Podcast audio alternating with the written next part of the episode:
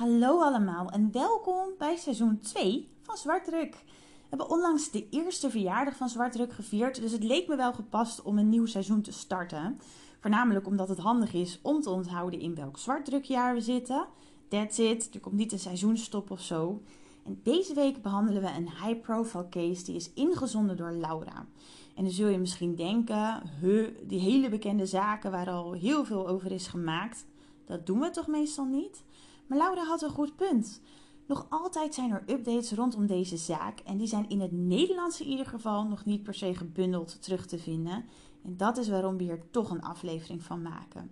Het gaat hier dan om de zaak van Madeleine McCain. Je weet wel, dat kleine meisje die overal op het nieuws was en in de kranten te zien was met haar mooie grote kijkertjes. En we gaan eerst eens met haar kennis maken.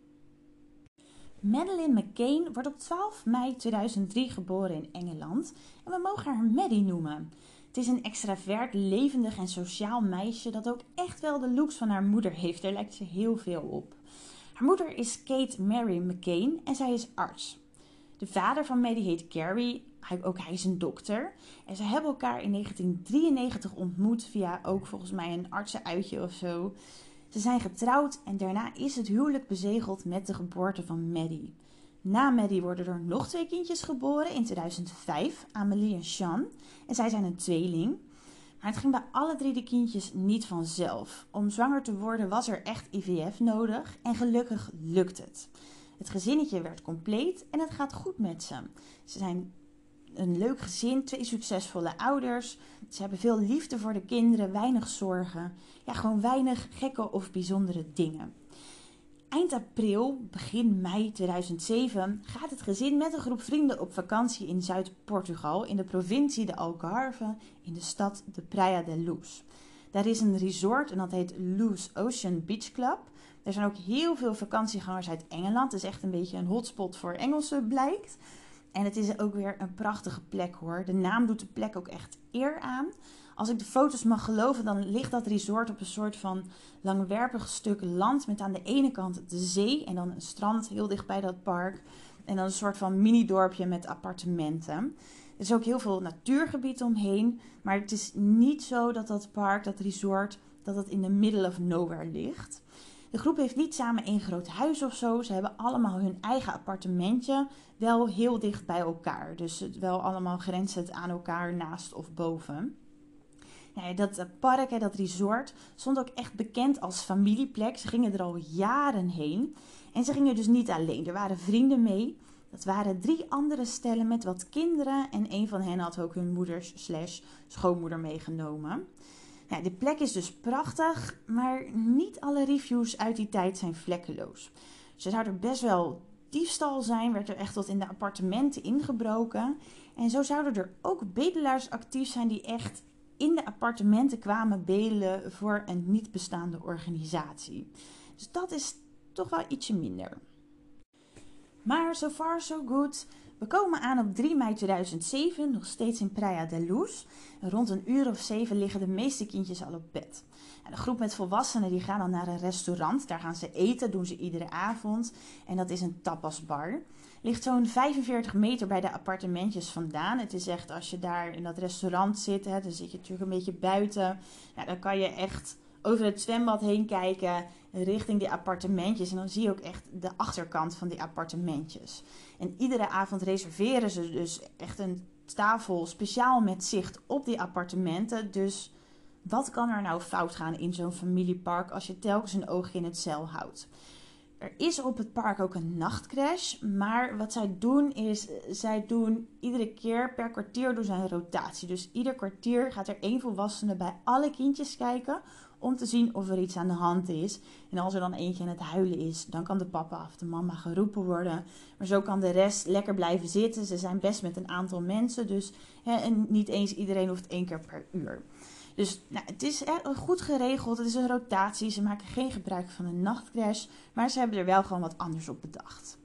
Nou, het appartement van de McCains is op de begane grond. De achterkant van dat appartement heeft een schuifpui. Dus die staat ook open. Dus daardoor kunnen ze gemakkelijk eventjes naar binnen stappen om te checken hoe het met de kindjes is. En die worden dan ook niet wakker van het slot en de deur. Dus dat is fijn. Ergens tussen kwart over negen en kwart voor tien die avond gaat een van de andere vrienden, die gaat zijn rondje doen, een rondje kinderen. Die zit de tweeling lekker in bed liggen, hoort geen gehuil, alles is rustig, weinig bijzonderheden.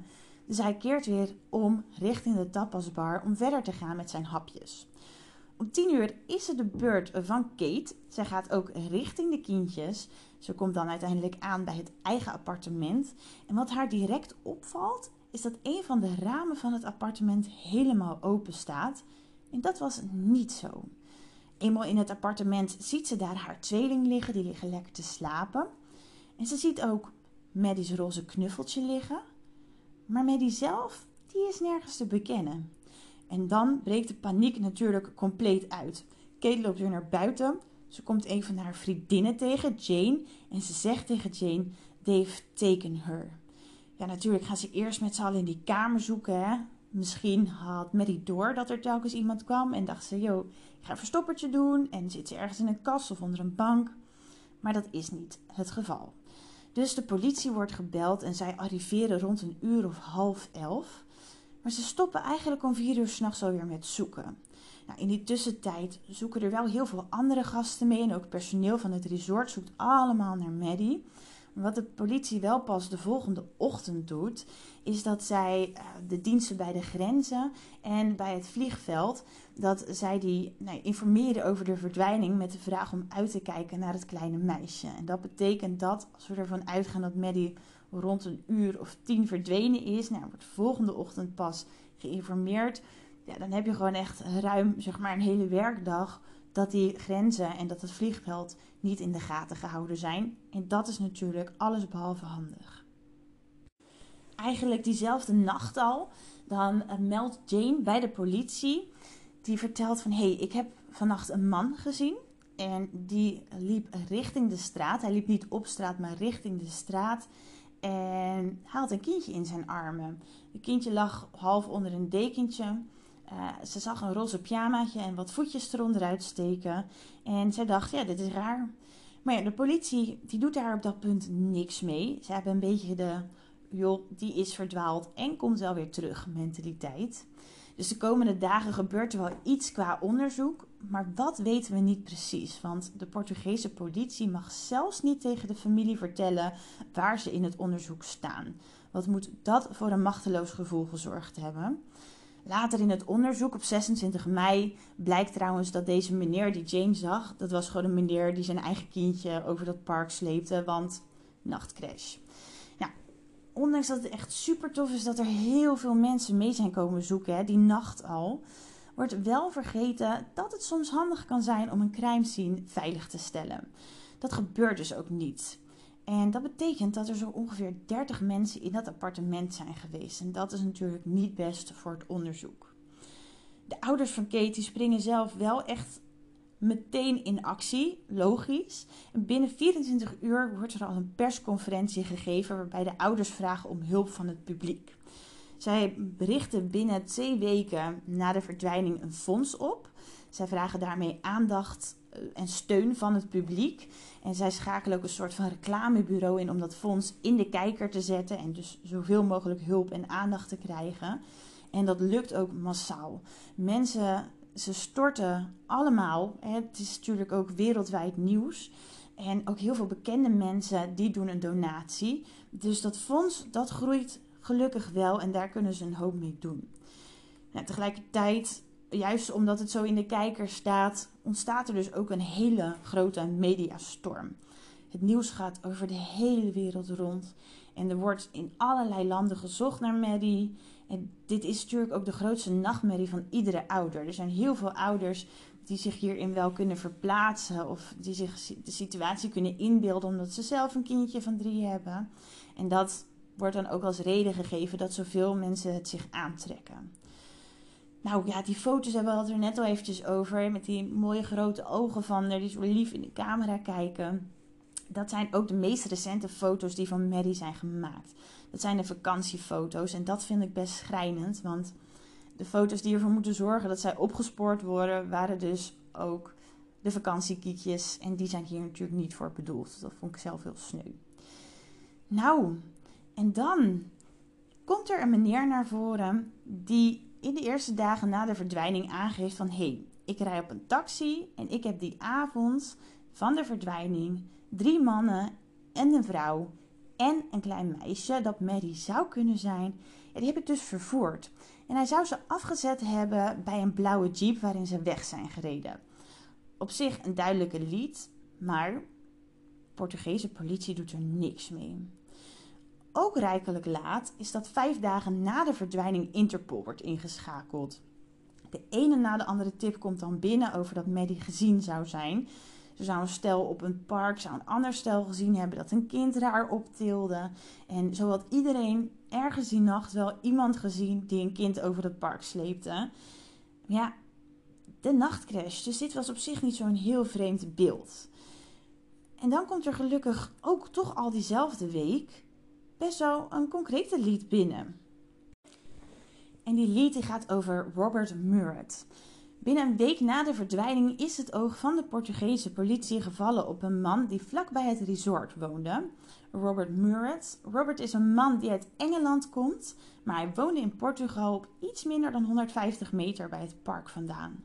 Hij had zichzelf aangeboden als tolk tijdens het onderzoek. En de journaliste die benadert eigenlijk de politie en die zegt: Ja, ik sta die man nu een tijdje in de gaten te houden.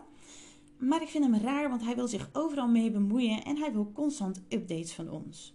Robert die wordt hiermee geconfronteerd en die zegt: Nou, ja, weet je, ik snap gewoon precies waar die ouders in zitten, want ik heb zelf ook een kind van die leeftijd. Dus ik kan me deze situatie wel inbeelden. Nou, Robert heeft wel een beetje pech, want er zijn acht getuigen die hem op de crime scene kunnen plaatsen. Echter, drie van de acht getuigen maken deel uit van het gezelschap van de ouders van Maddie, dus die zijn mogelijk niet heel objectief. Maar de andere vijf zijn personeel. Maar ja, de moeder van Robert verklaart dat hij die nacht gewoon thuis is geweest. En het is natuurlijk wel vaker een verschijnsel dat mensen die betrokken zijn geweest bij het delict graag een oogje in het onderzoek houden, of op het onderzoek houden. En het is ook niet ondenkbaar dat zijn moeder hem verdedigt. Dus op zich was het denk ik de moeite waard om het na te zoeken, maar er is geen bewijs gevonden. Al ja, heeft Robert wel een beetje pech, want tot op de dag van vandaag zijn er nog altijd mensen die denken: ja, ja, maar rook is is vuur. Uh, dus jij zou er misschien wel mee te maken kunnen hebben. En dat is natuurlijk voor hem heel naar, want hij is van het lijstje afgeschrapt. Ja, Robert is het dus niet. Dan komt er nog een andere theorie naar boven bij de politie, een ander scenario. Er is geen bewijs voor te vinden, maar er is ook geen bewijs gevonden dat het niet gebeurd kon zijn. Dus is het een mogelijkheid. En dat zou zijn dat het appartement van de McCains in aanmerking zou komen voor een van die inbraken waar we het eerder over hadden. De deur stond wagenwijd open. Mogelijk liep daar dus iemand naar binnen. Maddie die werd er wakker van, ze schrok. Ze zette een keel op. Ze helpt heel hard en de inbrekers die denken: ja, er is maar één manier om dit stil te houden en dat is om het meisje mee te nemen. Er is geen bewijs voor, totaal niet, maar het is ook iets wat dus niet kan worden uitgesloten. Na een tijdje begint de pers te speculeren dat de ouders van Maddie mogelijk een grotere rol spelen in het geheel.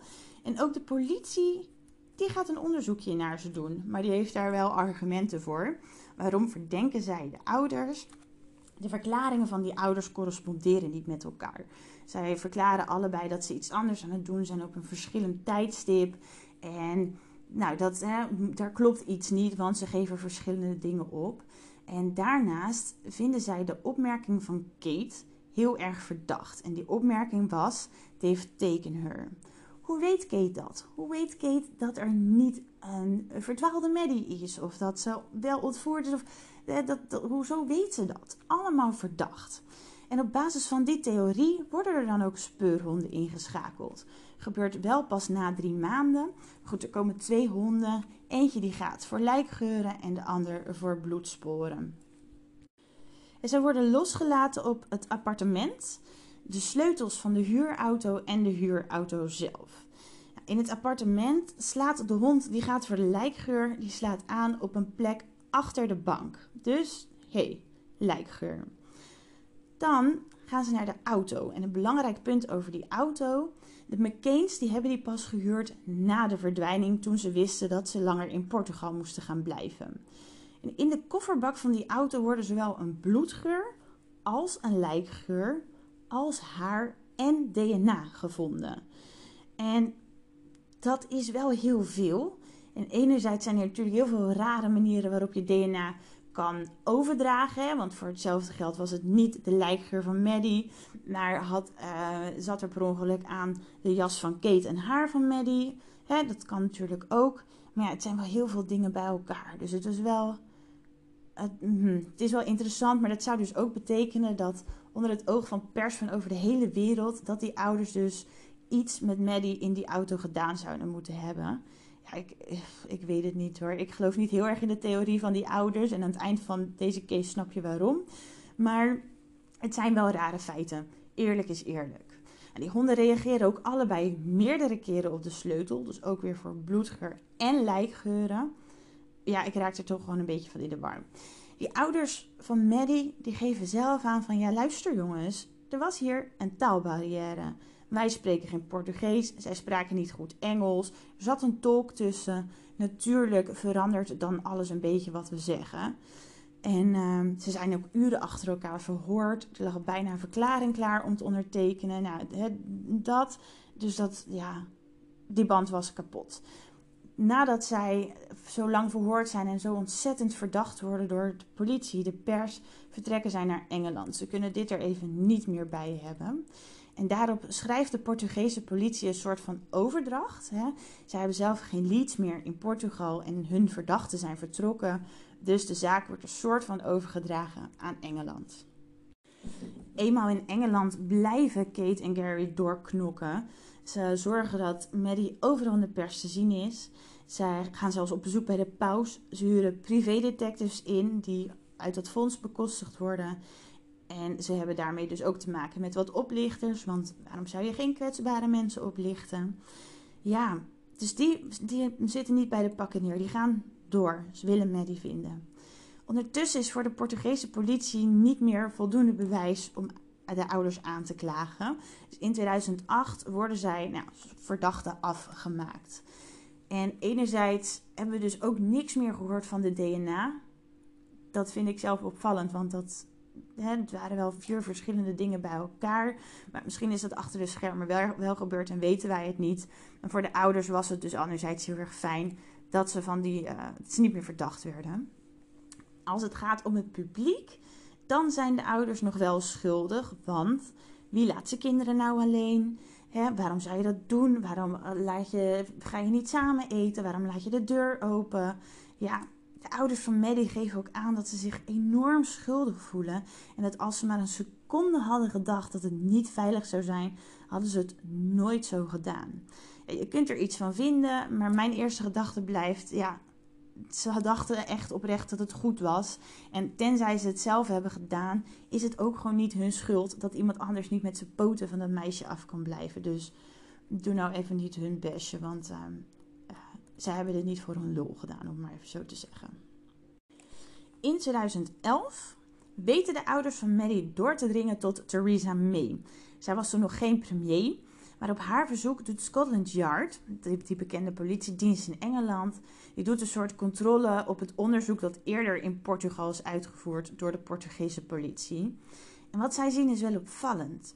Wat zij zien is namelijk dat de omgeving helemaal niet goed is onderzocht, als in de andere mensen op dat park, omwonenden, die zijn helemaal niet onderzocht. Dus we weten ook niet of daar bijvoorbeeld een zedendingen bleef. En ja, zij trekken ook de conclusie dat er geen bewijs is dat Maddie dood is en dat ze dus nog heel goed in leven zou kunnen zijn. Ander punt, andere conclusie die ze er ook uit kunnen trekken is dat de eerste uren na de vermissing van Maddie gewoon niet goed benut zijn. En dat zijn wel de belangrijkste uren. Dus dat is echt een misser van de Portugese politie. Goed, het duurt even voordat dat onderzoek is afgerond. En in 2013 denkt Scotland Yard: Weet je, we doen het zelf wel. En ze heropenen het onderzoek. Zij komen tot maar liefst 41 mensen die ze graag willen spreken. 41 potentiële verdachten. En de Portugese politie voelt zich hiermee verplicht de zaak ook opnieuw te heropenen met zoveel nieuwe namen. En ondanks dat er twee politiediensten op zitten van twee verschillende landen, heeft dit onderzoek in eerste instantie niet iets opgeleverd. In 2014 vliegt er een groep met detectives van Scotland Yard naar Portugal om het gebied te onderzoeken en zo natuurlijk ook de mensen te onderzoeken die zij op hun lijstje hebben staan. Zo ontdekken ze dat er inderdaad een pedofiel woonachtig was in de buurt van het park op een uur rijden. De politie ontdekt dit doordat hij tegen een ander stel gezegd zou hebben dat er zigeuners in de buurt zouden zijn die wel interesse hadden in het kopen van kinderen. Maar die lied, die leidt nergens toe. Dan hebben we nog een meneer Montero, die staat ook op een lijstje. Dat was een verslaafde meneer. Die zou mogelijk wel in aanmerking komen voor de inbraaktheorie, maar die kan niet verhoord worden, want die is overleden en zijn familie verschaft hem ook een alibi. Dan wordt de verdwijning van Maddie ook nog gelinkt aan wat andere incidenten. Zo was er een periode van een aantal jaar waarbij heel veel jonge meisjes werden betast en erger, gewoon ergens op een soort van afgelegen weg. Maar ja, van deze meneer is alleen een reguliere beschrijving en hij is nooit gevonden. Dus verhoren kunnen ze hem niet. Door alle jaren heen wordt er echt heel veel melding gedaan van mensen die Maddie gezien zouden hebben. In 2016 zijn dat er ruim 8500 in meer dan 100 verschillende landen. En Scotland Yard die heeft alle leads die mogelijk ergens toe konden leiden, die hebben ze nagetrokken. Maar zoals we weten heeft dit niet, in ieder geval nog niet, geholpen bij het vinden van een oplossing. De jaren tikken door en terwijl de ouders en andere familie van Maddie een vreselijk jubileum tegemoet gaan, gebeurt er ondertussen in Duitsland iets heel anders. Daar krijgt de politie in Braunschweig telefoon van iemand die de naam Christian B. noemt. Christian zou in een dronken bui verteld hebben wat er met Maddie gebeurd is. Er wordt een onderzoek naar deze Christian gestart en daar komen een aantal niet zulke schattige dingen uit. Christian draaide zijn hand niet om voor een overval, diefstal of een drugsdeal. Hij zou op zijn vijftiende al voor het eerst gearresteerd zijn, maar ook zou hij al eerder in verband gebracht kunnen worden met nare en vieze dingen rondom kleine meisjes.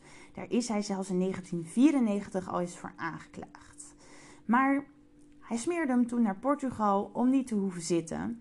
In 1999 krijgen ze hem toch te pakken en moet hij toch zijn straf in Duitsland gewoon uitzitten. En na zijn straf keert hij terug naar Portugal, waar hij eerst vanuit een busje leeft, maar dan toch een huis weet te vinden. En jij mag raden in welke stad in Portugal hij woonde. Hij woonde namelijk op nog geen twee kilometer bij het vakantiepark vandaan. Het is trouwens niet zo dat hij eenmaal weer terug in Portugal dacht: Nou, nu ga ik het beter doen. Hij was ook daar alweer een aantal keer verdacht geweest bij verschillende diefstallen eh, in bijvoorbeeld hotels en vakantieparken. Ja, een tip. Nou, en dan blijkt dat er in 2013 al eerder een tip over deze Christian binnenkwam met betrekking tot Maddie. Uit onderzoek toen bleek dat hij had gepost op een website over een fantasie om jonge kinderen te martelen en meerdere dagen te verkrachten. En ondanks dat er wel belastend beeldmateriaal wordt gevonden, kan hij niet in verband met Maddie worden gebracht. En de politie die moet hem dus van het lijstje schrappen. In 2014 werden er 400 foto's en 70 filmpjes bij Christian gevonden in een van de panden die hij bezat. En dat was beeldmateriaal wat niet hoort te bestaan, als je snapt wat ik bedoel. En hij wordt in diezelfde periode ook verdacht van misbruik van een 5 jaar oud meisje. En net op het punt dat hij daar voor 15 maanden de cel in moet, vlucht hij naar Portugal. Het duurt trouwens niet lang voordat hij gewoon weer naar Duitsland wordt gestuurd om zijn straf uit te zitten. Ja, en dan komen we dus bij die tip in 2016. De politie ziet al die voorgaande records uit 2013, 2014 en ziet dat zijn naam ook op het lijstje uit Praia de Luz staat. En zelfs als ze in 2016 op zoek gaan, onderzoek doen rondom die Christian, zien ze dat hij niks is afgeleerd. Want ze vinden gewoon opnieuw belastend materiaal. Hij leeft op dat punt weer vanuit een busje. En de politie vindt daarin drie badpakjes die qua maat van kleine meisjes lijken te zijn. En dat is eh, zorgwekkend, op zijn minst. De eh, Duitse politie die traceert zelfs ook een telefoontje van de huidige telefoon van Christian. En dat zou ook in Praia de Luz zijn op een uur voor de verdwijning van Maddie. Dus hij was daar in de buurt. Althans, het nummer was in de buurt. Want Dat nummer is prepaid en het is destijds niet door de Portugese politie onderzocht. Dus ze weten niet of het destijds ook van Christian was. Je kunt aannames doen, maar op basis van aannames kan je iemand niet beschuldigen.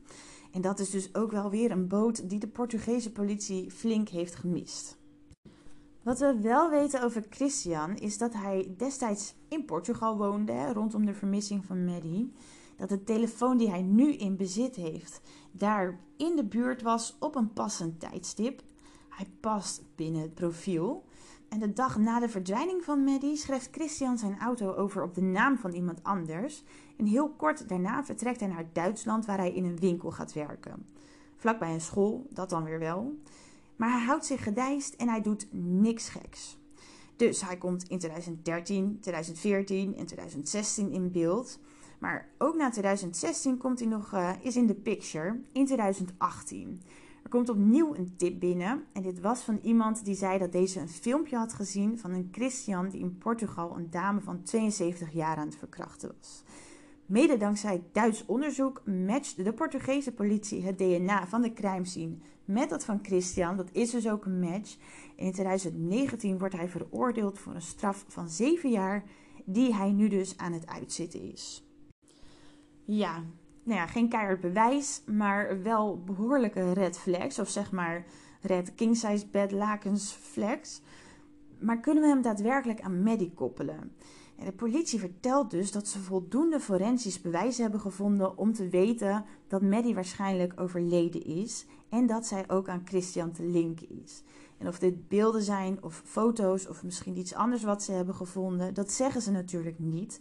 Want het is in 2020 is het gewoon een lopend onderzoek. En de politie die heeft naar eigen zeggen nog niet voldoende bewijs om hem aan te klagen. Dus wij weten nu dat er in 2020 nog heel wat speelt rondom die Christian. Niet iedereen is even enthousiast over de theorie van de politie. Zo zeggen sommige mensen dat de politie last heeft van tunnelvisie, omdat zij het alibi van Christian op de avond in 2007 hebben genegeerd. Hij zou namelijk een avond met een 17-jarig meisje hebben doorgebracht en die zou dat ook geverifieerd hebben. Ja, nou, ja, er is, als je het allemaal zo leest, er is wel veel bewijs. Maar ehm, hè, nou, gelukkig gaan wij daar niet over. In april van dit jaar, 2022, maakt de Portugese politie bekend dat zij een officiële verdachte in de zaak hebben. Ze noemen geen namen, maar ze doelen wel op een samenwerking met de Duitsers. En het zou dus zomaar eens over Christian B. kunnen gaan. Echt tot in de details weten waarop Christian is gelinkt aan Maddie, ja, dat weten we niet. En dat is misschien maar heel gelukkig, want dat betekent dat de politie er nog steeds druk mee in de weer is. En dat is op zich veelbelovend nieuws. Maar ondertussen weten de ouders van Maddie natuurlijk nog steeds helemaal niks. Ze krijgen nog heel vaak de vraag: hé, hey, waarom gaan jullie nou toch door na zo lang? En daarop geven zij de volgende antwoorden. Er is niets dat erop wijst dat Madeline pijn is gedaan. Ze is nog steeds vermist en er moet iemand naar haar blijven zoeken. Ze is jong, kwetsbaar en heeft onze hulp nodig. We houden van haar en missen haar meer dan woorden kunnen omschrijven. Vandaag de dag geloven de ouders van Maddie dat zolang er geen lichaam is, zij Maddie levend terug zouden kunnen vinden. En het is heel sneu om te zien hoe snel deze mensen oud zijn geworden. Ze hebben trouwens nog op het punt gestaan om te scheiden, maar ze zijn tot op de dag van vandaag nog wel altijd bij elkaar. En ja, hoe verdrietig het dan ook is, is dit dan toch de zaak die na jaren nog opgelost gaat worden? Laten we het hopen. Als dat zo is, dan vind je hier natuurlijk een update. Hoewel ik me niet kan voorstellen dat dit niet enorm groot op het nieuws zou verschijnen. Hey Laura, dankjewel voor het insturen van dit onderwerp. En ik hoop dat er toch voor iedereen die de zaak al kende, misschien toch wat nieuwe informatie voorbij is gekomen. En het is ook weer bewijs van, hey, misschien dat die tip van jaren later toch nog gaat helpen bij het oplossen van de zaak. Want er is tenslotte iemand die weet wat er met Maddie gebeurd is. Mocht je het nog niet gezien hebben op Netflix, daar staat een serie en die heet The Disappearance of Maddie McCain. Daarin wordt alles nog eens doorlopen. Dat is mijn tipje voor jou deze week. De ouders van Maddie die hebben overigens niet aan de docu meegewerkt. En ze hebben daar natuurlijk ook alle recht toe naar waar ze allemaal voor zijn beticht. Maar misschien is het een, eh, een mooie aanvulling op wat je hebt gehoord. Of was hopelijk deze podcast een aanvulling op wat je misschien al had gezien als je hem al gezien hebt. En daarmee komen we toch ook bij het einde van de aflevering. Volgende week maandag is het kerst en daarom komt de aflevering op een iets andere dag uit, namelijk de 23ste. Dus we slaan niet over, maar dan weet je dat je hem iets eerder krijgt. En voor nu, maak er een mooie dag van. Bedankt dat je er was en tot snel weer hè. Doeg!